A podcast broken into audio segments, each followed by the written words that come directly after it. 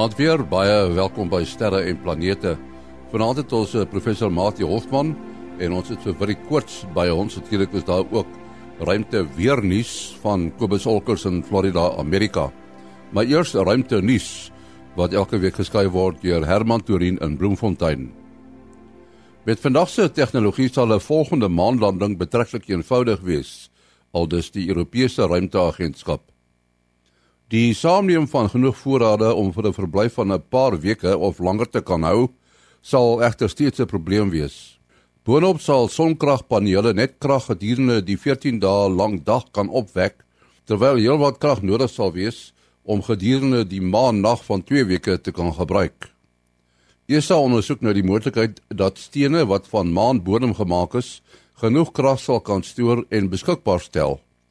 Vir die doel word grond en klip wat op die aarde voorkom en met maanrots ooreenkom gemaal en verstene gebruik.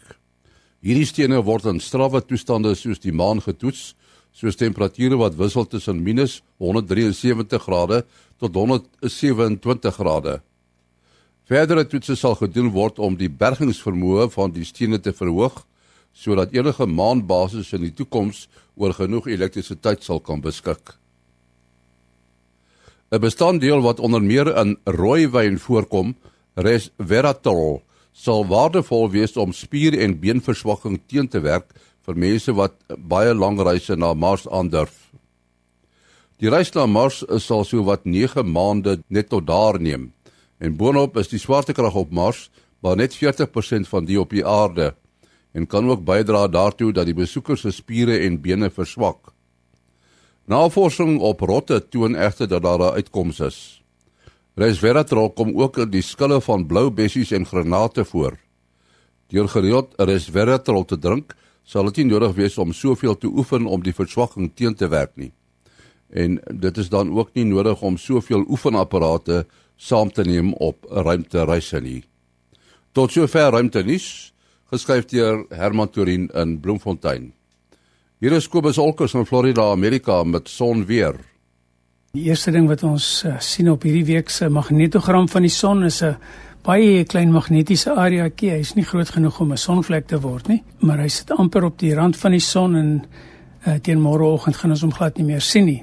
En vir die res van die son aan betref is daar hoegenaamd geen sterk magnetiese gebiede wat uh, wat enige koronamassa uitbarstings hoegenaamd kan veroorsaak nie. Om die waarheid te sê, ons het nou vir 55 uit die laaste 60 dae uit ehm um, en nie 'n enkele sonvlek gesien nie. So, ek dink ons kan redelik seker wees ons is ons is by son minimum. Maar soos ons wel weet, as ons nou by son minimum kom, dan sien ons baie koronagate. En dit is hierdie week ook die geval. Uh daar is 'n koronagat wat nou wat nog nie geo-effektief is op hierdie oomblik nie. Hy sal so teen lyk my so teen Woensdag se koers gaan hy geo-effektief raak. En dan gaan hy vir ons 'n uh, 'n bietjie van 'n probleempie gee met net met langafstand uh verbindings. Uh hy gaan nie 'n probleem gee vir enige van die GPS of so iets nie. En dan is daar ook nog 'n groot koronagat wat nou op die oomblik nog agter agterkant aan die agterkant van die son sit. Ek sien hom egter met die stereo satelliet beelde. En hy gaan vir ons hier teen die einde van die week gaan hy vir ons begin probleme gee. Wat filamente aanbetref is daar niks te sien op hierdie stadium wat enige probleme kan veroorsaak nie. So daar het jy dit. Goeienaand almal. Dankie Kobus Olkers in Florida, Amerika. Ja, die mense kan nog nie uitgepraat raak oor uh, die maanlanding 50 jaar gelede nie. Maar is tog uh, interessant hierdie sogenaamde samesweringsteorieë, die conspiracy theories wat mense hoor. Daar was nou die dag iemand op die lug wat glo bewys het dat die ouens nie daar kon land nie. Nou uh, ek ek het nou gehoor van iemand soos Japie wat gesê het die Amerikaners het nog nie die tegnologie gehad om dit eintlik 'n fop nuus gebeurtenis te maak nie. Want dit sou geweldige tegniese vermoëns vereis het om dit te doen. Ek weet nie Mati wat jy daarvan dink nie? Dit is so 'n ongelooflike gebeurtenis in die geskiedenis en uh, nou kry mense mense wat wat nou probeer water daarop gooi ehm um, mens kan met allerlei tegniese vrae en aspekte gaan kyk van fotos en vir elke bewering wat gemaak word is daar goeie verduidelings gewees hoekom dit uh, uh dit so was byvoorbeeld die sterre wat nie in die fotos is nie maar is 'n baie goeie verduideliking hoekom dit nie met daardie kameras met die helder uh maanoppervlak gesien sou kon word nie. Jy kan nie gelyktydig die dowwe sterre sien en 'n helder voorwerp en daar's uh, beweringe gewees oor die vlag wat nie so reguit kan hang nie. Uh weet elke ding is daar 'n goeie antwoord, maar as mens nou net uit 'n ander hoek kyk, kyk die totale oorwig van van omstandigheids uh, getuienis. Uh, wil net nou mooi in laasweek se program gepraat van die maanmonsters wat daar in 'n kluis bewaar word met 'n persone wat tot vandag toe daarop navorsing doen en uh, wat dit gekatalogiseer uh, in katalogusse opgeteken word. Mense kan nou dink aan die uh, derduisende mense. Hulle praat van tot uh, 400 000 mense wat uh direk of meer indirek by die ontwikkeling van die tegnologie betrokke was. En daar was sekerlik uh dink nou maar aan die mense wat in die beheerkamers was, die mense wat die ruimtemanne moes bystaan in hulle opleiding om in die vuurpyl te kom om te jou te kan voorstel dat al daai goed 'n uh, groot sameswering kon wees en almal saam besluit het om saam te lieg. Dit is net uh ondenkbaar. En uh ek het nou verwys na die die maanrotse wat teruggekom het wat uh, ooreenkomste toon met die aarde wat tog anders is wat duise kom van 'n ander wêreld af. 'n Mens kan as jy materiaal wat uit die ruimte uitkom, dan kan jy klein met 'n uh, klein baie klein meteoriet kratertjies, impakkratertjies daarop sien omdat dit uh, 'n omgewing was waar dit in die atmosfeer is nie. So mense sal tientalle, eintlik honderde redes kon noem hoekom uh so 'n reuse projek met so 'n reuse impak nie maar net 'n uh, 'n groot pop storie kan wees nie. Ja, ek kan miskien net so aansluit by van die goeters wat uh, Martin nou gesê het so na aanleiding van die uh, TV-program by Kwela het die persoon natuurlik nou 'n klomp goeters genoem en maar al die goed wat hy daar genoem het is maar die ou goed wat herhaal en herhaal en herhaal word deur die samesweerders. Um maar het nou byvoorbeeld genoem van die vlaggie nou ja, die die vlaggie se wapper is eintlik 'n presiese bewys dat hulle daar was want uh ek is eintlik 'n groot aanhanger gewees van die ou van die um um Mythbusters program en hulle het omtrent al hierdie goeders deurgewerk. So de, in al die goeders op die internet beskikbaar. Nou byvoorbeeld net om om 'n voorbeeld te noem van die vlaggie is dat die vlaggie mense wat nie weet nie, die vlag het natuurlik 'n dwarsbalkie bo gehad. So die vlag het eintlik daar aangehang en uh, met die implant het hulle die um die paal gewikkel om hom in te kry en wat jy dan kry is dat die dat dit lyk asof die vlaggie wapper uh en dit lyk of die vlaggie baie lank wapper en dit is presies wat jy op die maan sou verwag want omdat daar nie lig is op die maan nie word hierdie wapper uh, baie lank aangegaan omdat daar nie lig is om dit te demp nie. So dit in die aard van die saak een van die bewyse. Ja die wat Mati genoem het van die hoekom is daar nie sterre nie? Hoekom is daar dan ook daar nie sterre as jy volgende keer weer kyk na 'n naguitsending van cricket of so, ehm um, sien jy enige sterre in die in die lug? Nee, want uh, soos wat jy gesê het, jy belig vir die helder verligte stadion en die uh, sterre is is net te donker. Ehm um, hy praat daarvan 'n klomp data wat weggeraak het. Nou ehm um, dit is 'n interessante storie in ehm um, 2007 uh, uh is van hierdie sogenaamde verlore bande is uh, het dit skielik opgeduik in Australië. En ehm um, so wat gebeur het natuurlik is die oorspronklike uitsending ehm um, soos ons laas keer genoem het was Australië uh, was op daardie stadium in uh, die Parkes teleskoop daar was in in verbinding met die met die met die maantuig en die en die en die hoë uh, resolusie beelde uh, uh, waar ons praat nou van hoë resolusie soos laas keer gesê eintlik hoe min die data tempo wat. Maar die beste kwaliteit was dan direk opgevang uh, deur die Parkes teleskoop in in Australië. En um, maar omdat dit nie met 'n met, met met die met die televisie uh, stelsel heeltemal versoenbaar was nie het hulle net 'n kamera op 'n monitor gemik en dit is wat uiteindelik uitgesaai is. Nou daar is baie baie kopieë van hierdie inligting beskikbaar, maar die hoë kwaliteit bande het op 'n stadium gelyk of dit weggeraak is.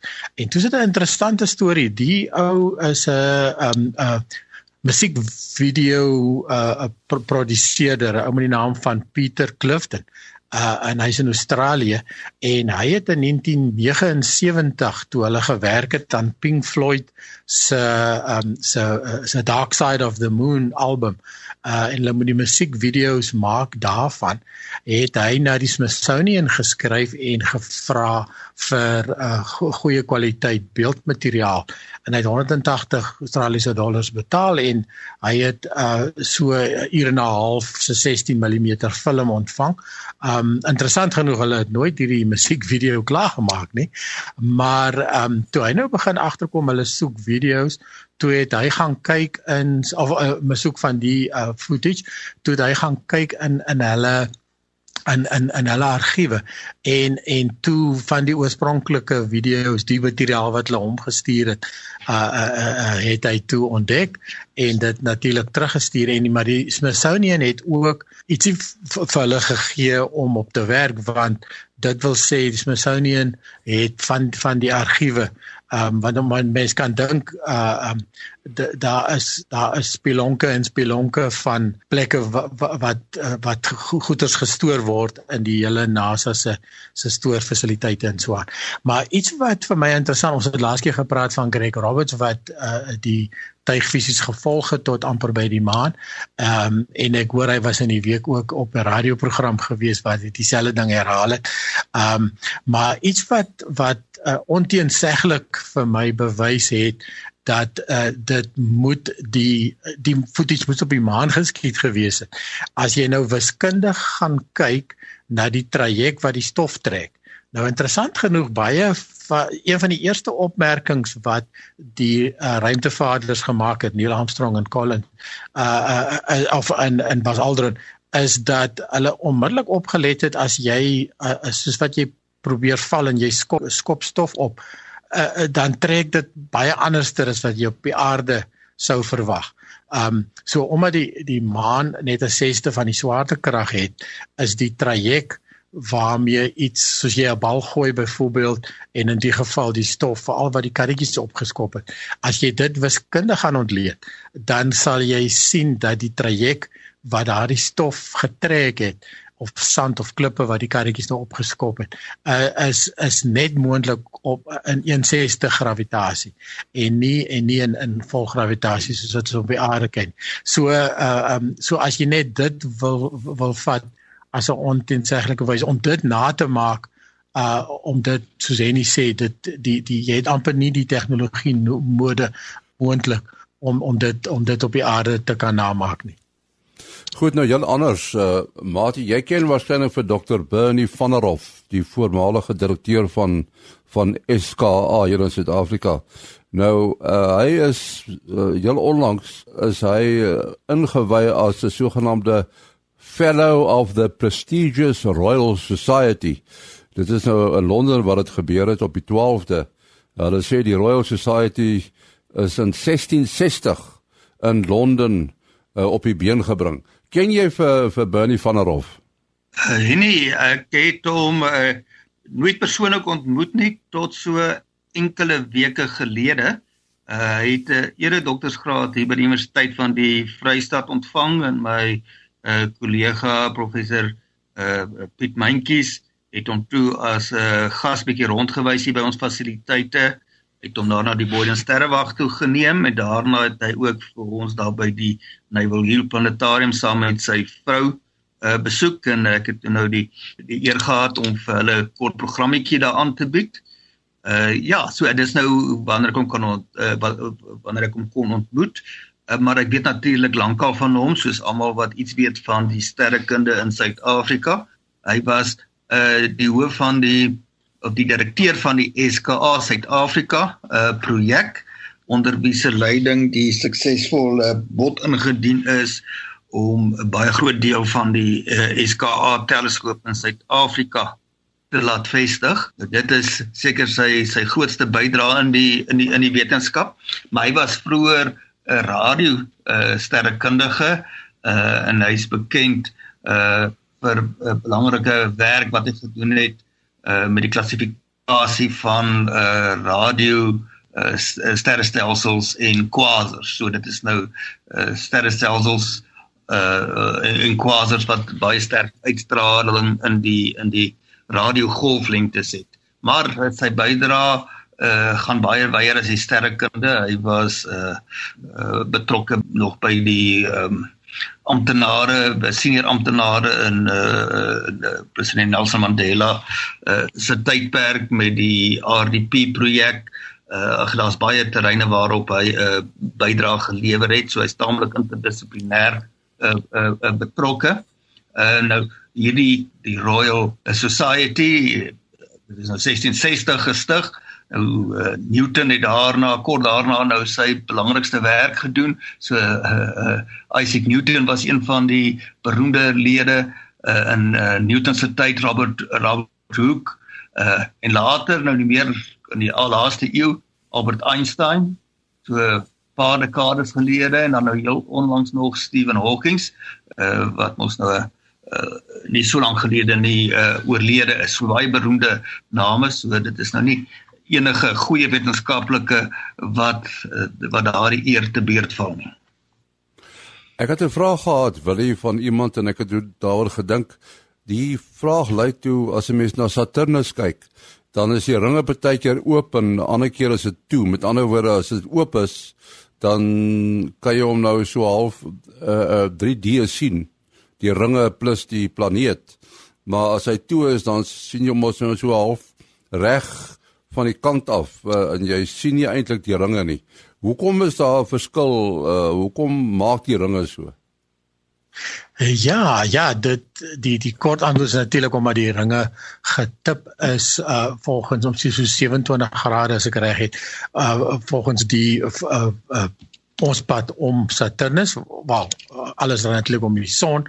Uh so ons dry ook effektief ons sien Saturnus van verskillende kante. Ja, maklike manier om aan te dink as iemand 'n hoed op het, 'n ou ou uh, boerehoed sal ek maar amper sê, 'n randhoed en die hoed sit skeef op sy kop as jy hom van voor af sien dan dan sien jy mooi die die rand van die hoed, die binnekant sê maar van die rand. As jy agter die persoon staan, dan dan sien jy die bokant van die van die rand wat dan na jou toe getip het en as jy op sy linker of regter oor se kant af kyk, dan sien jy net die net die net die rand van die hoed en jy sien nie die die die noem dit nou maar die plat gedeelte nie dan dan is dit asof die hoed se rand amper al verdwyn. Ja, so ehm um, Saturnus vat uh, 29 en 'n half jaar om eenmal om die son te beweeg. So kom ons sê ronde getal 30 jaar. So dit wil sê elke 15 jaar sien jy die ringe of van die een kant af of of van die ander kant af. So elke 15 jaar gaan die gaan die ringe dan vir jou verdwyn en en dan die, die 15 jaar tussenin sal ek maar sê 7,5 jaar later en dan weer 15 jaar aan die ander kant sien jy die ringe of heeltemal oop aan die sê maar van die onderkant van die ringe en dan heeltemal oop aan die bokant van die ringe. So in 2017 was die ringe laaste op hulle oopste gewees. En en uh, so ons is nou net 2 jaar later, so die ringe is vir ons nou nog redelik oop en dan in uh, 2025 gaan die ringe weer vir ons verdwyn soos wat hulle ook in 2009 uh, gebeur het. So 2009 was die vorige keer wat ons die ring reg op sy sy gesien het. Uh laat dit net die dun streepie is en dan gaan dit weer in 2025 herhaal. Ja, dis so as nou wil jy as mens nou daai verskynsel om die ring reg van die kant af te sien, nou so 3 of 4 keer al in jou lewe gesien het, dan is dit bes, beslis tyd om af te tree. so ons stel nou ons loopbane in Saturnus ringe. Ja, dis 'n goeie idee. hier hier is 'n vraag van Dr. Nudee uh, hier van Pretoria, Dr. Jacques Nudee. Hy vra of die span uh, net weer die ontstaan van die seisoene kan verduidelik hy het, hy het met 'n een eenvoudige eksperiment nie daaraan geslaag om dit na te boots nie. Ek weet nie Mati.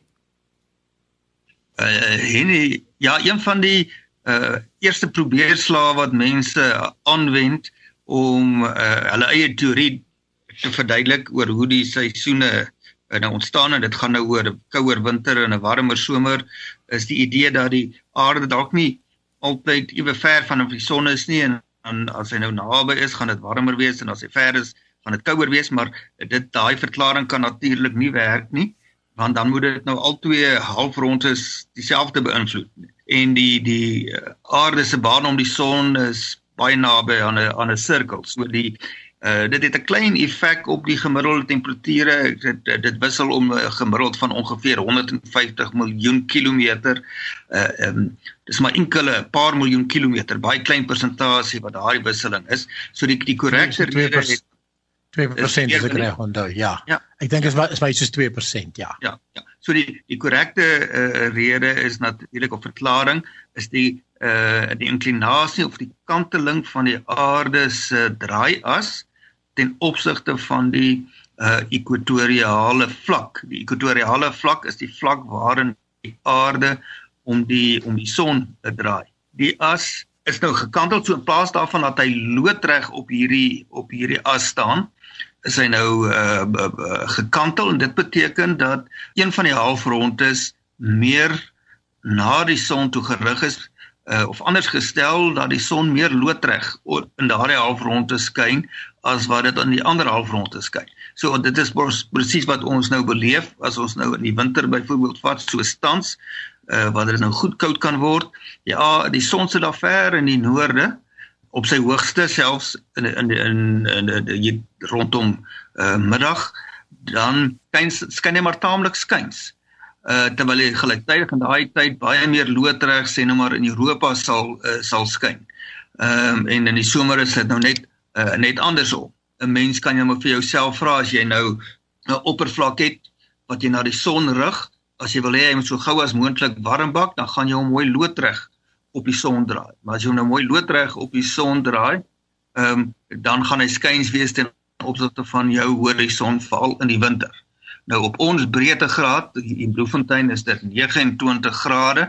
As die son op sy hoogste is in die middel van die somer, dit is hier by 22 Desember, dan is hy uh, nog 'n bietjie uh, noord van regbokant bokant ons. So jy gaan altyd 'n skade weer aan die suidekant van jou huis kry ehm um, as dit in die middel van die somer ongeveer 12 uur in die in die middag is. Ja, so iets wat 'n mens 'n eksperiment wat jy maak, waar mens kan eintlik maar net 'n gedagte eksperiment maak, want dit is baie eenvoudig, maar as jy 'n flits vat, uh presies wat jy nou verduidelik het en jy jy standaard flits wat se lig versprei en so aan, wel ek, ek hoef ook eers om uh, na regte moet dit gestel word dat dit parallelle lig gee en dit gaan dan nog meer die situasie uh ooreenstem. Maar as jy dan die uh die flits hou en jy en jy laat dit skyn op 'n tafel direk onder jou dan uh kan jy al 'n sirkel trek van van die deel wat verlig is. En dan hou jy om dieselfde afstand van die tafel af maar jy draai hom sodat hy sê teen 30 grade skyn of so dan kan jy onmiddellik dink dat hierdie kol is dan nou so 'n elliptiese kol Ehm um, so jy het nog dieselfde energie, maar daardie energie is nou op 'n groter area vers, versprei. Wat beteken per vierkante sentimeter of wat ook al op die tafel gaan jy dan minder lig hê en dit is dan presies die effek wat jy nou beskryf het. Ja, die, die, net om 'n uh, bietjie meer presies te wees, die die inklinasie, die hoek wat die ewenaar ag die aarde se draaias met die normaal die loodreg op die uh ekwatoriaal vlak maak is uh net so oor die 23 grade. So daardie is nie 'n klein hoek nie, maar is nou ook nie 45 grade nie, maar dit is groot genoeg om hierdie radikale verskil te maak tussen die seisoene. Ja, wat is die planeet uh, wat nou so reg op sy kant lê? Is dit Uranus? Uranus, ja. Nou hy wys eintlik met sy een pool die hele tyd na die son of was ek uh... Ja, so in daai geval gaan jy nou nie uh eintlik sy uh, seisoene hê nie want die een kant uh wys nou altyd na die na die son toe die so hy gaan nou warmer wees as die ander kant wat heeltyd aan die skadu kant is. Kyk 'n planeet soos Mars uh wat se wat se wat se as ook redelik naby dieselfde gekantel is as die as die aarde se ek sien presies seker maar dit verskil maar enkele grade. Um sien ons natuurlik ook dat daar seisoene is. So ons kry stofstorms uh in in die een half halfrond in die in in sekere seisoene en dan weer in die ander halfrond in die ander seisoene. Uh so dit is uh en die ook die kom en gaan van die van die pool poolkappe op Mars is dan nou ook 'n baie goeie verduideliking hoekom jy ook dan uh, seisoene kry op op ander planete. Wel ons moet begin afsluit. Uh, baie dankie aan Folly Volskenk van Tabazimbi en Jaco Nodee van Pretoria vir die vrae wat uh, hulle gestuur het. Uh, Mati, jou besonderhede? Uh, en ja, selfoonnommer 0836257154. 0836257154. En dan Willie as 0724579208